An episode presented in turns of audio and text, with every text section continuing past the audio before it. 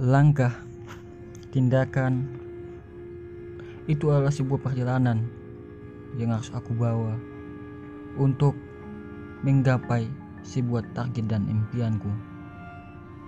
Kadang untuk mencapai target dan impian, rasa lelah, tangisan, dan juga menyerah itu selalu menghampiri.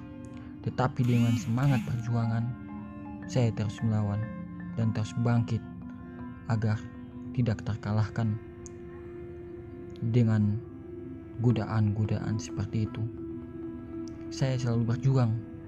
Saya selalu mengatakan kepada diriku bahwa saya adalah orang yang kuat dan selalu kuat untuk menghadapinya.